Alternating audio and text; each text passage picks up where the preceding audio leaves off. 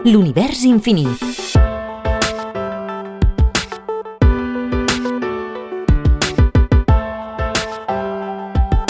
Agrupació Astronòmica de Sabadell. Josep Jerome de Laland, el professor.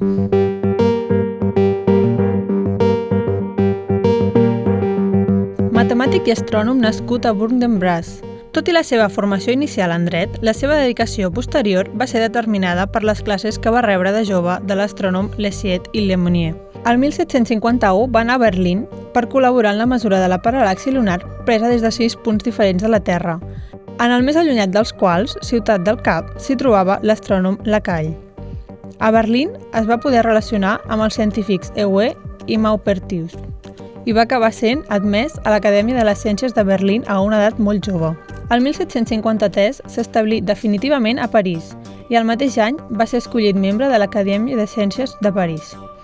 Es dedicà a l'estudi dels planetes del sistema solar i el 1759 va publicar una edició corregida de les taules de Mont Galley, a la qual va afegir una història del cometa Halley amb l'ajuda de l'astrònoma i matemàtica Nicole Rey Lepau. Al 1759, la Reial Acadèmia de Ciències li va encomanar la redacció de les efimèrides astronòmiques, la coneixença del temps. Aquestes taules astronòmiques en farà un treball esperat i buscat completant-lo amb notícies científiques, sempre actualitzades. Amb els anys es va anar fent popular i la seva llar es va convertir en un improvisat seminari d'astronomia. Entre els seus alumnes hi va haver els futurs astrònoms de l'Ambra Josep Piaggi i Pierre Méchain, també foren alumnes i col·laboradors de Lalande, el seu nebot Michel Lalande, casat amb la seva filla il·legítima, matemàtica i astrònoma, coneguda pel càlcul de les taules astronòmiques que publicava Lalande. En 1661 i en 1769 va participar en les observacions del trànsit de Venus per tal de determinar la paral·laxi. Com a resultat, va publicar la Memòria sur le passage de Venus, observat el 3 de juny de 1769. El 1795 va participar en la creació de Bureau des Longitud. Apreciat dels revolucionaris, fou nomenat director de l'Observatori de París aquell any, càrrec que va mantenir fins la seva mort. També va participar en la creació del calendari republicà.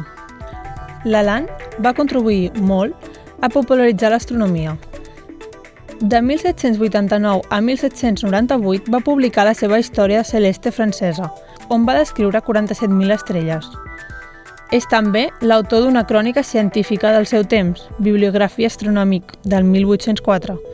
El 1802 va fundar un premi destinat a premiar la tasca dels astrònoms, el Premi Lalande.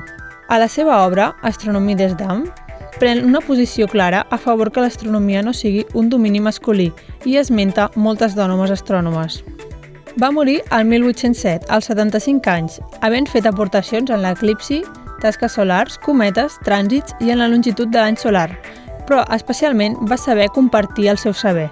El seu deixeble, Delam, va deixar escrit la seva admiració pel mestre.